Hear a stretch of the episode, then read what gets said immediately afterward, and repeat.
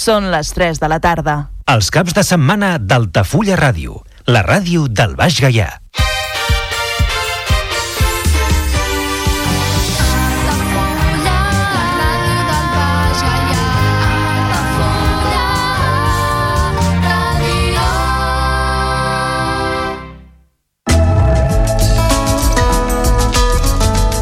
L'agenda Altafulla Ràdio.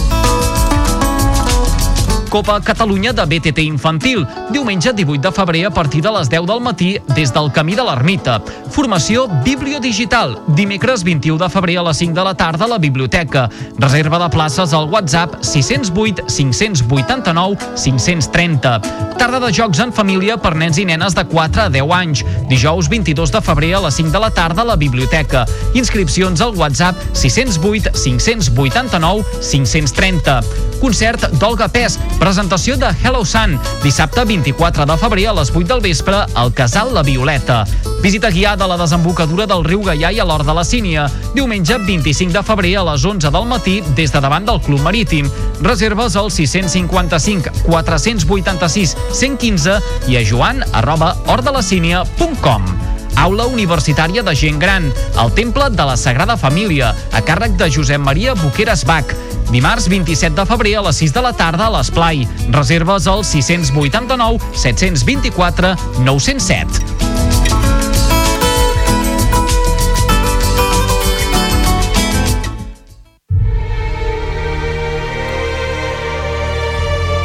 Parlem d'aquell cinema Cinema clàssic a Altafulla Ràdio, amb Andrés de Andrés. on la música de cinema és el fil conductor. Cada cap de setmana a Altafulla Ràdio parlem d'aquell cinema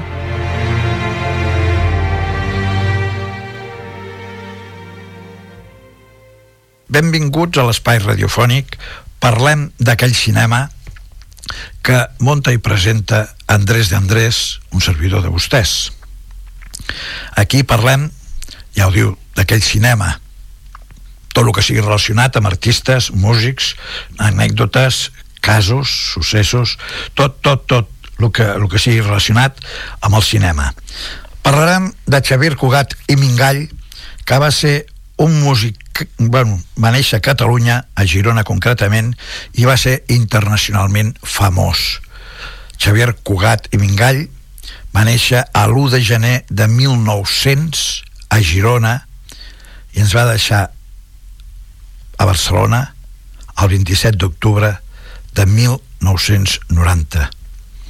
Va ser un gran músic, va fer uns arreglos mm, musicals d'altres compositors, d'altres compositors, tenia una orquestra fantàstica, l'home sabia molt bé el que preparava, sabia molt bé el que tocava, i a més a més era un dibuixant eh, català i cubà.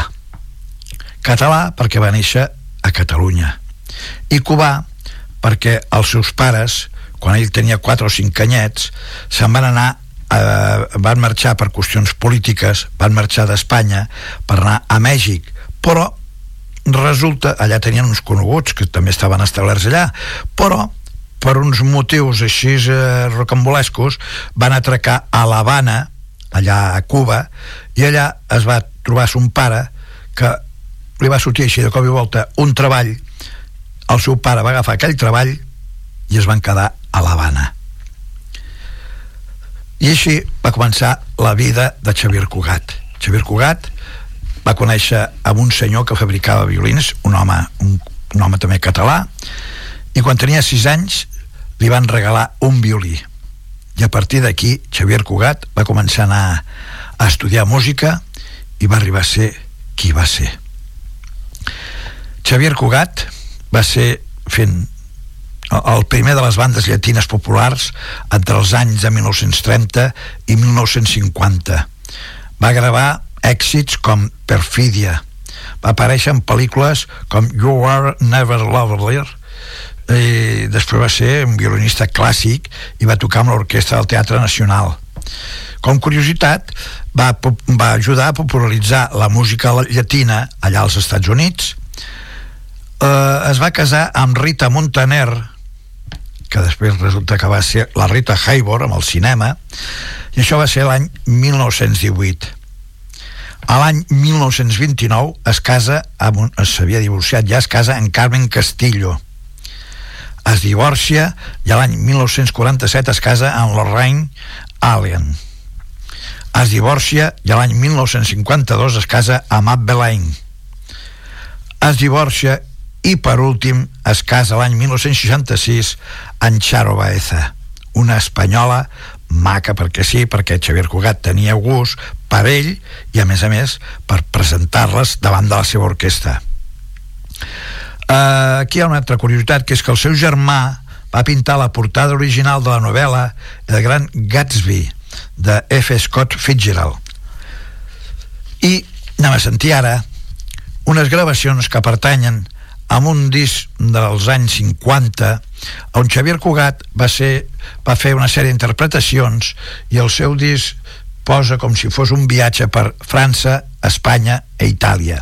Què vol dir això? Pues que hi ha una sèrie d'interpretacions d'aquests tres països i de la qual ara sentirem la primera interpretació que va ser un gran èxit de Charles Trenet i d'Albert Lyrie que es diu La Mer, o sigui, el mar Escoltem, doncs, l'orquestra de Xavier Cugat amb aquest gran tema francès.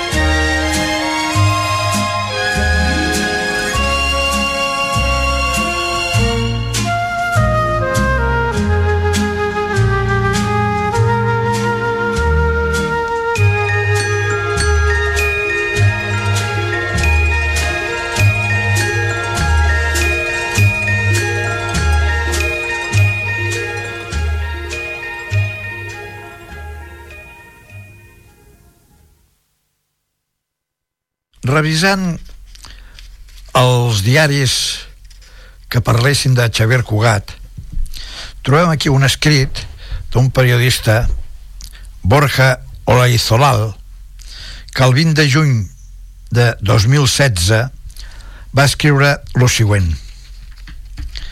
A la memòria dels espanyols de mitjana edat Xavier Cugat nascut a Girona en 1900 i va morir a Barcelona en 1990, és un senyor gran amb un bisonyer eh, en amb justet equilibri que sortia molt amb la tele interpretant-se a si mateix Cugat, com Dalí era un d'aquests personatges crepusculars que exploren l'extravagància sense cap complexa per apuntalar una imatge pública, en fi, enfadada amb els eh, convencionalismes. És una pena que a Espanya se li recordi més pels seus últims anys que no van ser els més brillants reflexiona Diego Mat, director del recient estrenat documental Saxo, Maracas i Chihuahuas, un repàs de l'extraordinària trajectòria del inclassificable músic català. Xavier Cugat, amb efecte, va tornar al seu país natal quan ja era un septuagenari i la seva carrera artística als Estats Units havia tocat el seu fi. La irrupció del rock and roll havia provocat un terratrèmol amb la indústria de l'espectacle i la seva oferta musical s'havia quedat sense espai. Les glòries i tot el que havien en fi, aconseguit es van, aconseguir, es van quedar tots a l'altra part de, de, del charco, com es diu, allà de, de, de l'oceà. A Espanya va vindre amb els pocs restes del naufragi que va poder conservar. Un Rolls Royce d'un color cobrís i l'etiqueta de viure amb l'hotel Ritz fent greixós botín per algú que havia format part de l'aristocràcia a Hollywood i s'havia en fent envoltat amb Al Capone, Charles Chaplin, Charlotte o Frank Sinatra. Tot amb la vida de Cugat té la vitola d'extraordinari. Des de la seva fetge o data de naixement, que va veure la llum com ja he dit, amb el segle XX eh, i va, ser, va néixer el dia 1 de gener de l'any 1900 el primer dia del segle XX amb la seva condició de músic prodigi als 12 anys, que ja era primer violinista de l'Orquestra Simfònica de l'Havana, passant, clar està, per una desmedida afició a col·leccionar dones que va portar a casar-se eh, cinc vegades amb les més guapes de la seva època. Rita Montaner, que va ser Rita Hayworth, després més tard amb el cinema, Carmen Castillo, Lorraine Allen, Abbe i Charo Baeza, una espanyola també guapíssima. Xavier Cugat era fill d'una família de Girona i va embarcar amb els seus pares camí a Mèxic quan tenia 4 anys. Van marxar perquè el seu pare tenia problemes polítics. El vaixell va fer escala a l'Havana allà a Cuba i els Cugat els va agradar tant que van canviar els plans i es van instal·lar allí. Allà es van instal·lar perquè el pare va trobar feina ràpid, si no potser haguessin seguit anant a Mèxic on hi havia uns amics que també eren catalans residents allà. Ells vivien amb l'Havana Vella enfront a un fabricant de violins que els va agafar carinyo i els va oferir un, del, un de regal que se'l va quedar lògicament era per, per Xavier. El seu pare va veure que li agradava va contractar un professor i als 12 anys, quan encara portava pantaló curtet, Xavier Cugat es va convertir en el primer violín de la Simfònica de l'Havana. No va tardar molt en viatjar a Nova York, va dormir unes quantes nits en Central Park, tenia que menjar rosegons a pa que trobava, beure aigua de les fonts públiques que havia, perquè allà tenia Enrico Caruso que li havia dit que si alguna vegada anava a Nova York el anés a veure que ell l'encarrilaria bé i així ho va fer-ho però què va passar? Que sense avisar ni res quan va arribar allà Enrico Caruso havia sortit de gira per anar a actuar por ahí. Bueno, però se m'ha Xavier Cugat se m'ha a tocar en un local i amb aquest local va començar una escalada que el portaria precisament a lo més alt. Anem a sentir un tema Mi Hombre d'Albert Willets-Merz Jack Charles i Maurice Ivany interpreta l'orquestra de Xavier Cugat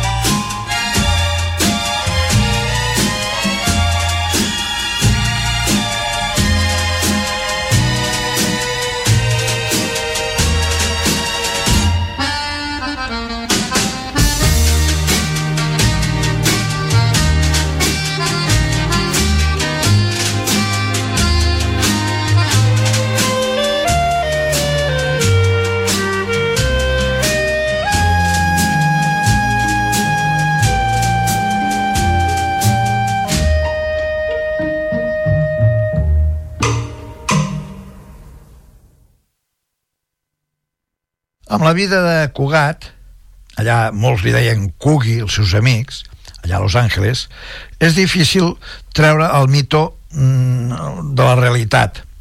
Va treballar pels principals mafiosos, actuava amb els clubs del Capone, amb qui acostumava a sopar, i el, aquell conegut gàngster Bugsy Siegel el va contractar per la inauguració del local Flamingo. El primer hotel que es va fer amb Las Vegas va ser aquest, el Flamingo. A més de tindre les espatlles ben cobertes, Cubat tenia un, fent, un, un nas un nas que ni el millor gos especialista en descobrir rastres eh, el superava.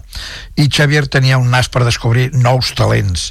Va ser ell qui va aconsellar a Margarita Cansino que es posés el nom artístic de Rita Hayworth a qui va padrinar la primera gravació amb estudi d'un noiet que es feia llevar en aquell temps i després més endavant també Frank Sinatra hi ha un documental que revela, a més, que el català va dirigir el primer curs sonoro de la història, Cugat i sus gigolós, una petita peça que es va estrenar l'any 1928 i amb la que se'l veu front a l'orquestra amb la que triomfava llavors a les sales de Los Angeles. Quan Hollywood comença el seu cicle més durat, Cugat ja era un dels seus personatges més reconeguts es relacionava amb Charles Chaplin, Charlotte o Gargable. Hi ha, hi ha testimonis també que recorden que va ser el descobridor de Dean Martin i Jerry Lewis. La seva vertiginosa faceta social s'enganxava amb les activitats artístiques com director d'orquestra e introductor de la música llatina amb els Estats Units. Va fer que els ritmes cubans van vestissin de tratxa, fossin ritmes apreciats per l'alta aristocràcia. Això ho resumeix el documental de Chucho Valdés. Cugat va vendre més de 48 milions de discos i va aparèixer en 25 pel·lícules, però també va criar chihuahuas i va donar el nom a una cadena de restaurants mexicans. Pot, que, pot ser que l'última de les seves dones, Charo Baeza, ho hagués ajudat amb el seu testimoni eh, en fi, a desxifrar entre els límits de l'home i la seva llegenda, però els 50.000 dòlars que va exigir com per aparèixer amb el documental impediran que ho supiguem un, uns altres col·leccionen segells i ell deia, i a mi el que m'agrada és els diners. Se'l va escoltar dir l'artista en una de les seves últimes entrevistes no hi ha dubte que Cugat va fer partícip a les seves dones de la seva afició pels diners però una carència tan ordinària no pot borrar els destells, els brillos d'una vida tan extraordinària. Un altre tema d'aquesta gravació dels anys 50 que es titula Cugat en França, Espanya e Itàlia.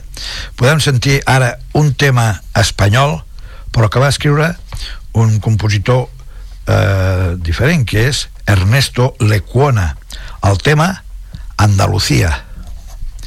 Escolteu-lo amb l'orquestra de Xavier Cugat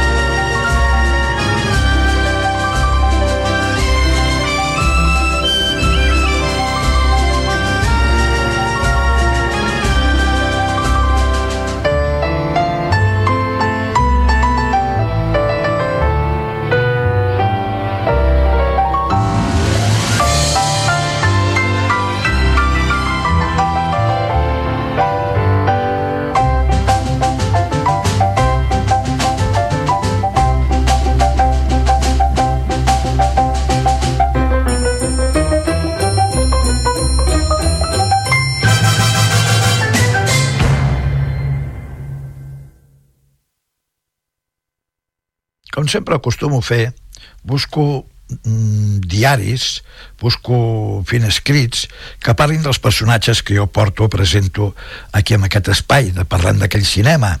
Aquí tinc jo també un tema que va escriure Laura Crespo el diumenge 5 de juny del 2016 i el títol que ella posa amb el seu escrit és Sexo, Maracas i Chihuahuas.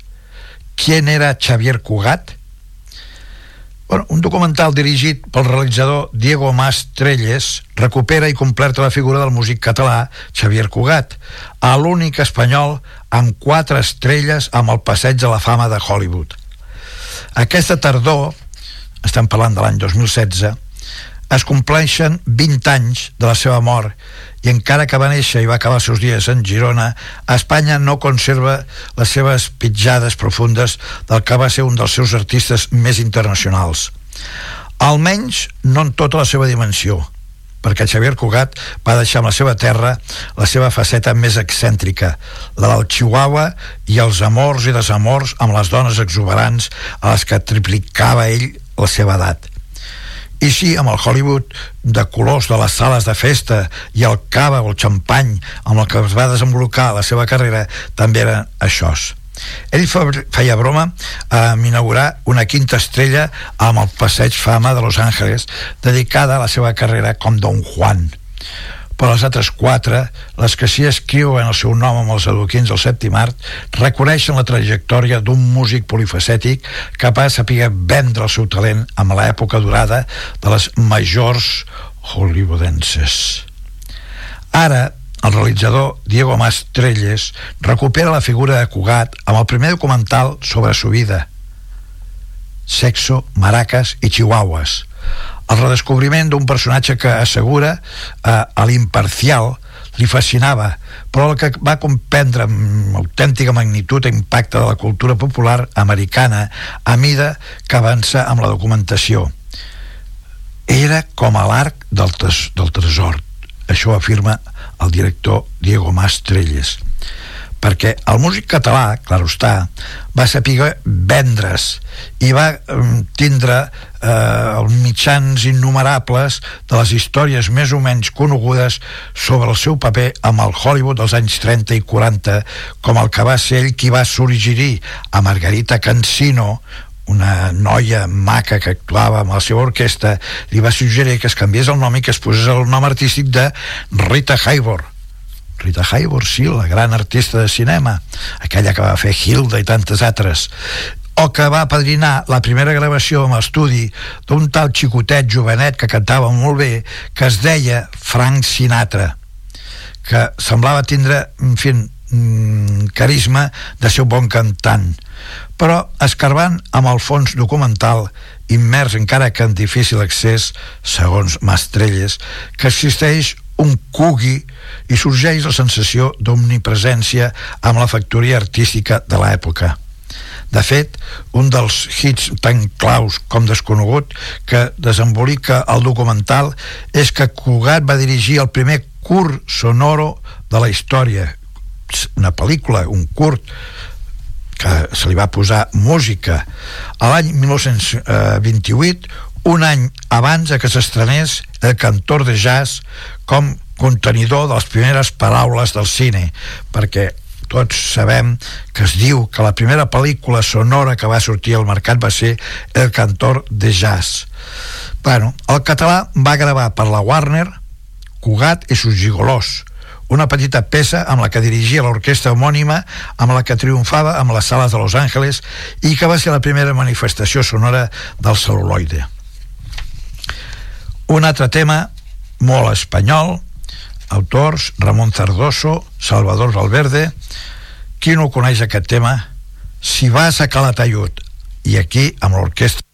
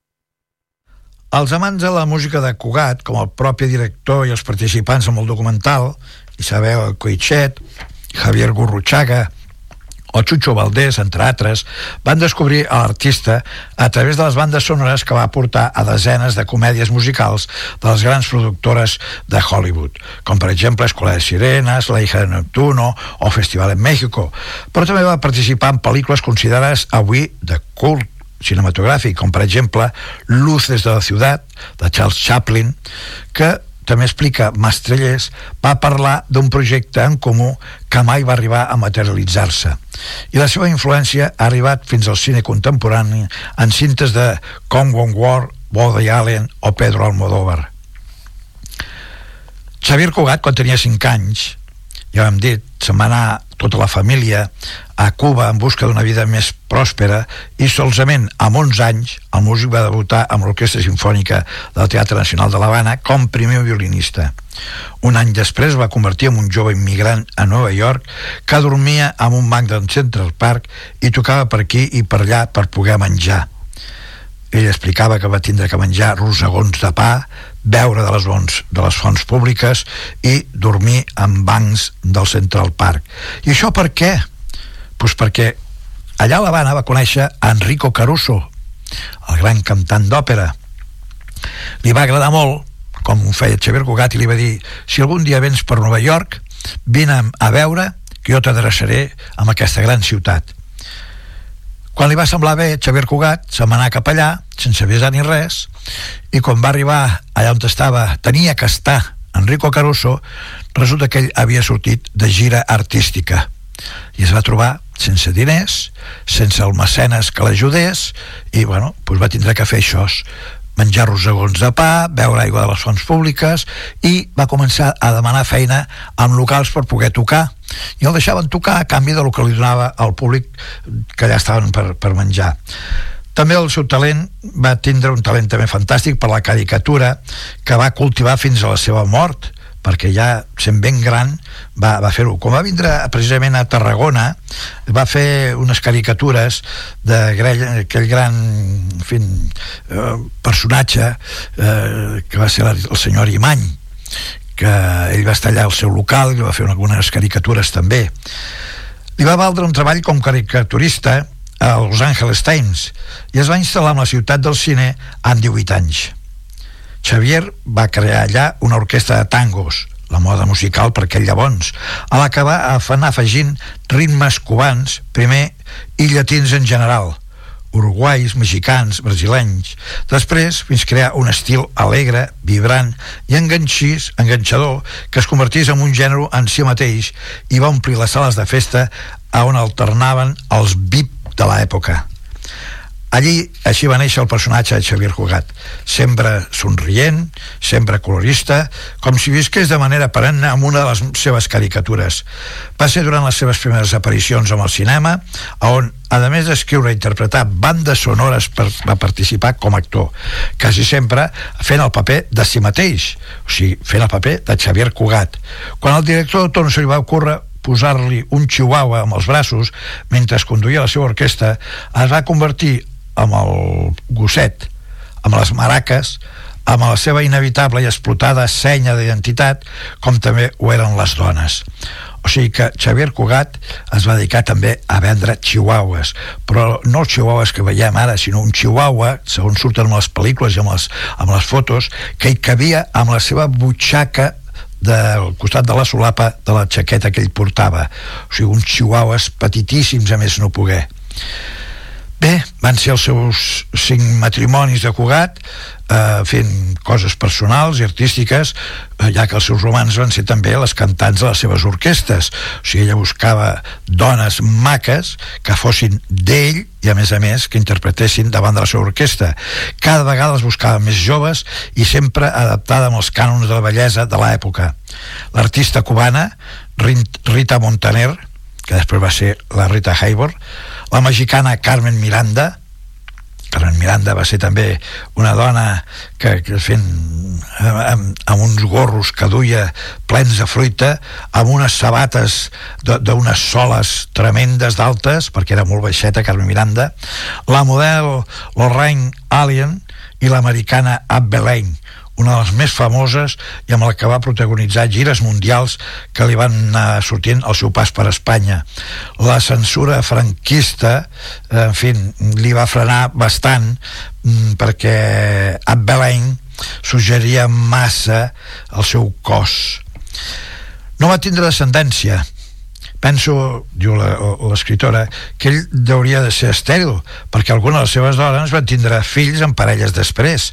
Ell sempre va dir que tenia aquesta cosa voyeur, que era molt miron, com Dalí, però algun contacte físic va tindre que haver amb elles, i mai va tindre fills. Això ho explica el director del documental. Una de les seves grans polèmiques va ser l'últim del seu matrimoni. Per poder casar-se amb la murciana Charo Baeza, per llavors una principiant de cantant de 16 anys, va tindre, segons expliquen, alguns arreglos de documents per part de la màfia. O sigui que ell, com que estava embolicat amb tot, també tenia contacte amb la màfia. Perquè Cugat va extendre el seu mite al relacionar-se amb els grups mafiosos que controlaven la ciutat de Los Angeles amb els anys 30, especialment actuant amb les sales propietat del mític Al Capone, no és tant que ell busqués aquestes relacions com un, ells li, el buscaven. El Capone veia que era bo i popular i que si el portàvem als seus locals doncs se li omplien de públic i el que li interessava era això, guanyar diners amb els seus locals. Això opina el realitzador d'aquest documental. Qualsevol figura pública de l'època volia a Cugat al seu costat per això, compositor de la talla d'Ernesto Lecuena, eh, Ari Barroso o Cole Porter li demanaven arreglos de les seves cancions. Buxi Siegel el reclamava per els seus assumptes amb que el català va tindre eh, d'actuar amb la inauguració del mític, del mític eh, local Flamingo, el primer hotel de Las Vegas, erigit pel gàngster americà. I els propis polítics el convidaven amb els actes de campanya anem a sentir un altre tema de Xavier Cugat interpret, o sigui, interpretat mm, de la direcció o bé o de les partitures d'Adrián Ortega i Fernando Moraleda. El títol El beso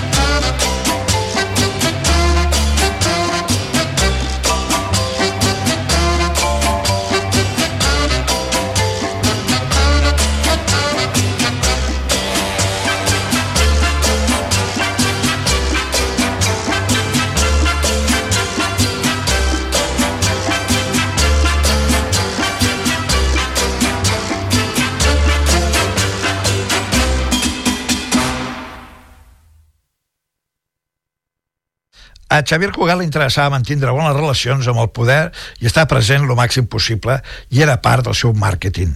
Per això era que els que s'interessaven amb el tio popular que els hi feia d'altaveu pues, contractar-lo. De fet, quan més Trelles va tornar a Espanya, ja amb la seva època més patètica, tot s'ha de dir, va seguir barallant-se pel reconeixement a pesar de que el convidaven a gales en televisió, sempre va sentir que amb Espanya no se'l reconeixia i no va parar fins a aconseguir que Jordi Pujol li donés la Creu de Sant Jordi i Maragall la medalla d'or de Barcelona al mèrit artístic i així va començar a introduir-se aquí. Aquí, afortunadament, ja el coneixíem, però no tan fort com moltes parts del món. La vida de Cugat va canviar de forma paral·lela a l'estil musical, dominant perquè el xollo se li va acabar com va arribar el rock and roll. Va deixar d'estar de moda la música ballable i es va començar a economitzar. Surt més barat moure a un grup de quatre tios que a grans orquestes com les de Cugat que comencen a perdre eh, fent fuell, com deien ells. Cugat torna a la madre pàtria quan compleix els 70 anys no té ja el físic necessari per dirigir una orquestra, encara que sí per mantindre el seu últim romans amb una jove catalana i, en fi, fer-la presentar per tot arreu. Un home amb la vida que va tindre Xavier Cugat es fa vell d'una manera mm, no gaire, no gaire saludable. Amb els seus últims anys tenia melangia, enyorança no sols de la fama i la glòria, sinó també del poderio econòmic perdut. Explica això el director Mas Trelles. El músic va portar en Hollywood un tren de vida apabullant del que sols va poder portar a Espanya un antic Rolls Royce amb el que solia passejar els carrers de Barcelona i que va deixar en pago per la seva estància als Ritz a la ciutat Condal, on va viure allà mm, hospedat durant els seus últims anys de la vida. Un altre tema espanyol per sentir amb l'orquestra de Xavier Cugat de Manuel Penella Moreno. El Gato Montés.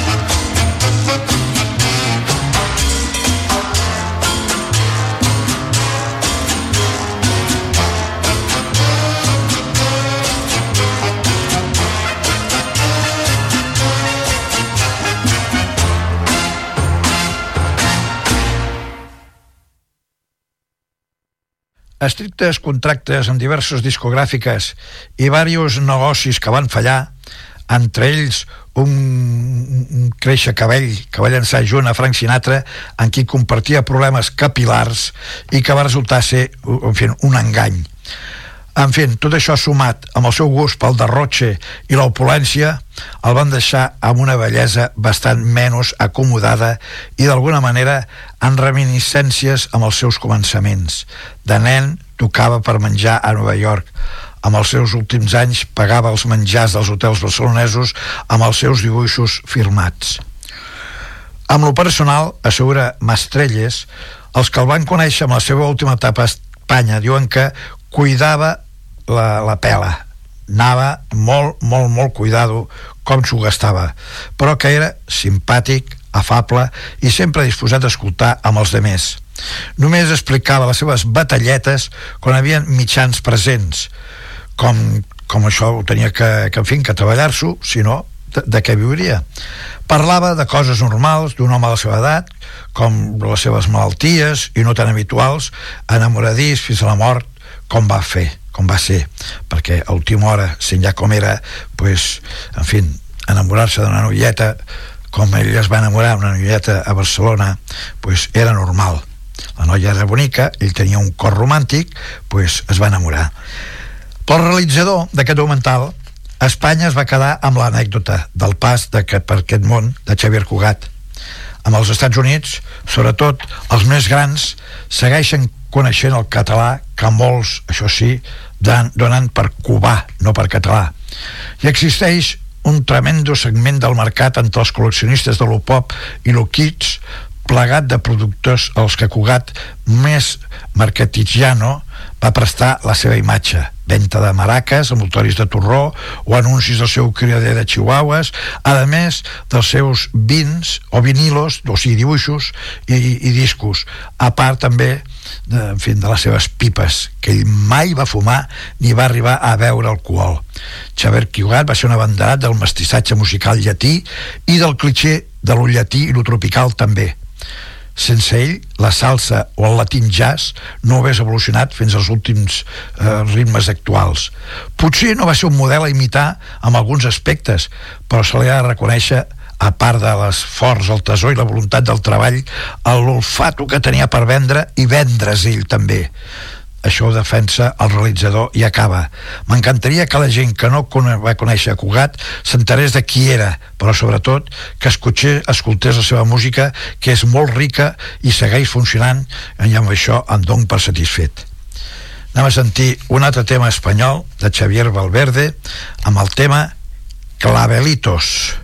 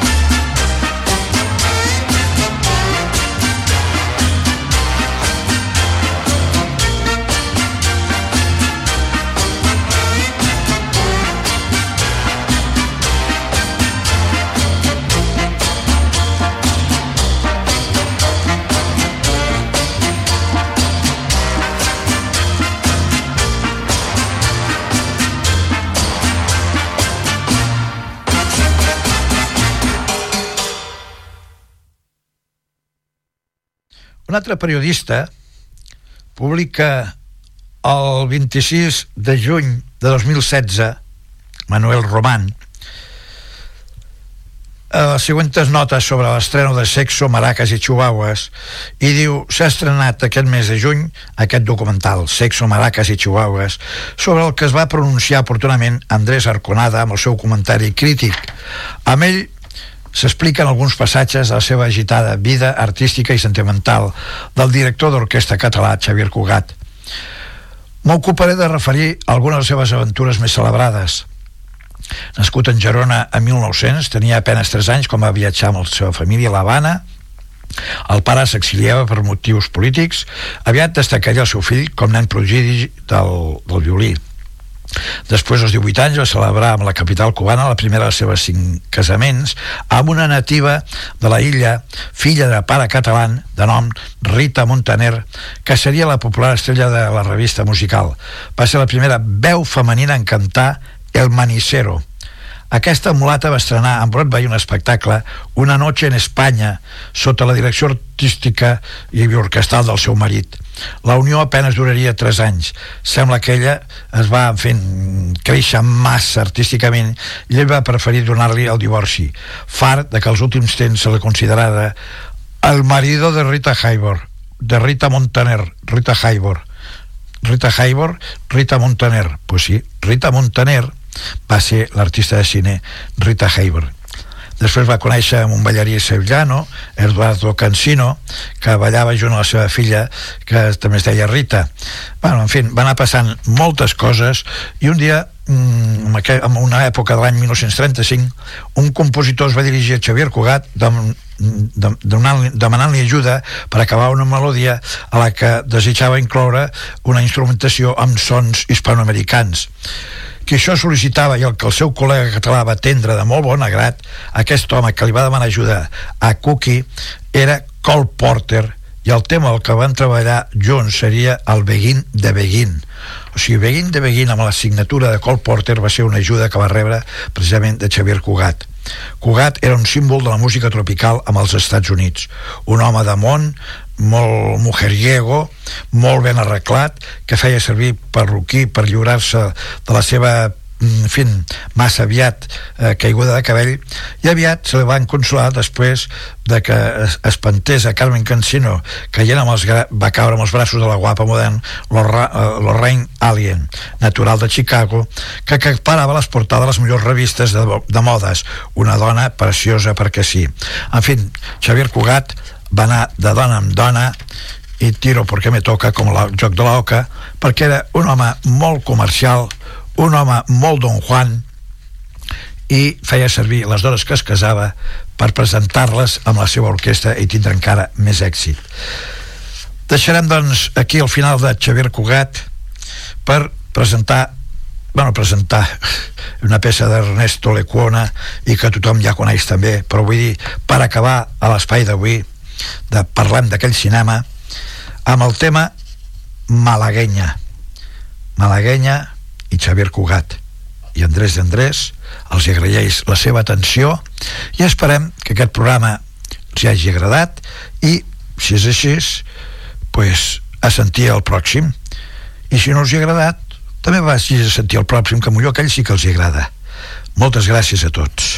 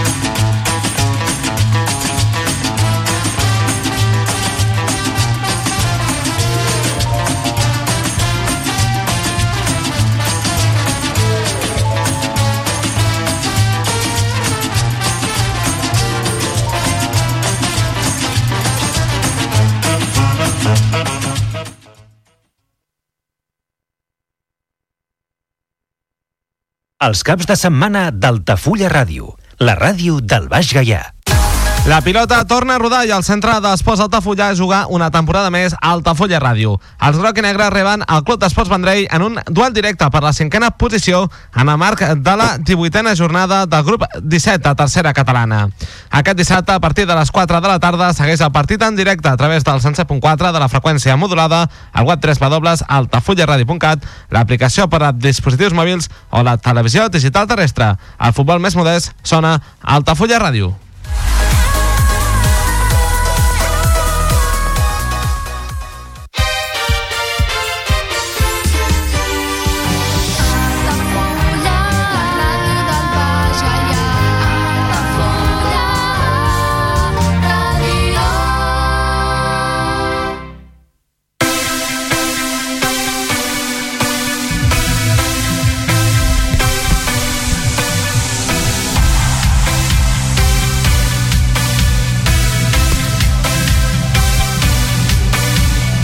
Bona tarda, us saludem des de l'estadi municipal Joan Pijuan, dia de partit, dia gros perquè s'enfronten dos equips situats a la zona mitjana alta de la classificació, dos equips que a principi de temporada aspiraven a estar a la nòmina de candidats per lluitar pel títol de Lliga i evidentment l'ascens a segona catalana i que s'han trobat en diverses dificultats. D'una banda, el centre d'Esport Altafulla que actua de local, ara mateix s'ha classificat amb 26 punts, ja refet de la mala dinàmica de la primera volta, dels primers partits de la primera volta, ara ja en més regularitat i situat en aquesta setena posició a 3 punts del seu rival, el Vendrell, que és cinquè en 29 punts. Per tant, doncs, duel directe per aquesta cinquena posició. De moment, el sostre al qual pot arribar al centre d'esports d'Altafulla, mentre que el conjunt de la capital del Baix Penedès mira una miqueta més amunt. Aquest sí que tenia clares aspiracions d'estar lluitant pel títol, però es troben que la jornada número 18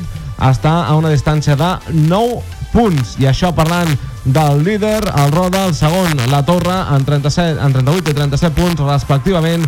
Doncs, evidentment, no és una distància gens fàcil de poder remuntar pel conjunt, insistim, de la capital del Baix Penedès. Avui doncs tenim un molt bon partit, en breus ens acompanyarà el nostre comentarista habitual, un d'ells, el Mohamed Amadar, i res, de moment doncs anirem explicant aquest partit que, com bé sabeu, podeu seguir a través del 107.4 de la freqüència modulada, el web 3 altafullaradio.cat, l'aplicació per a dispositius mòbils o la televisió digital terrestre.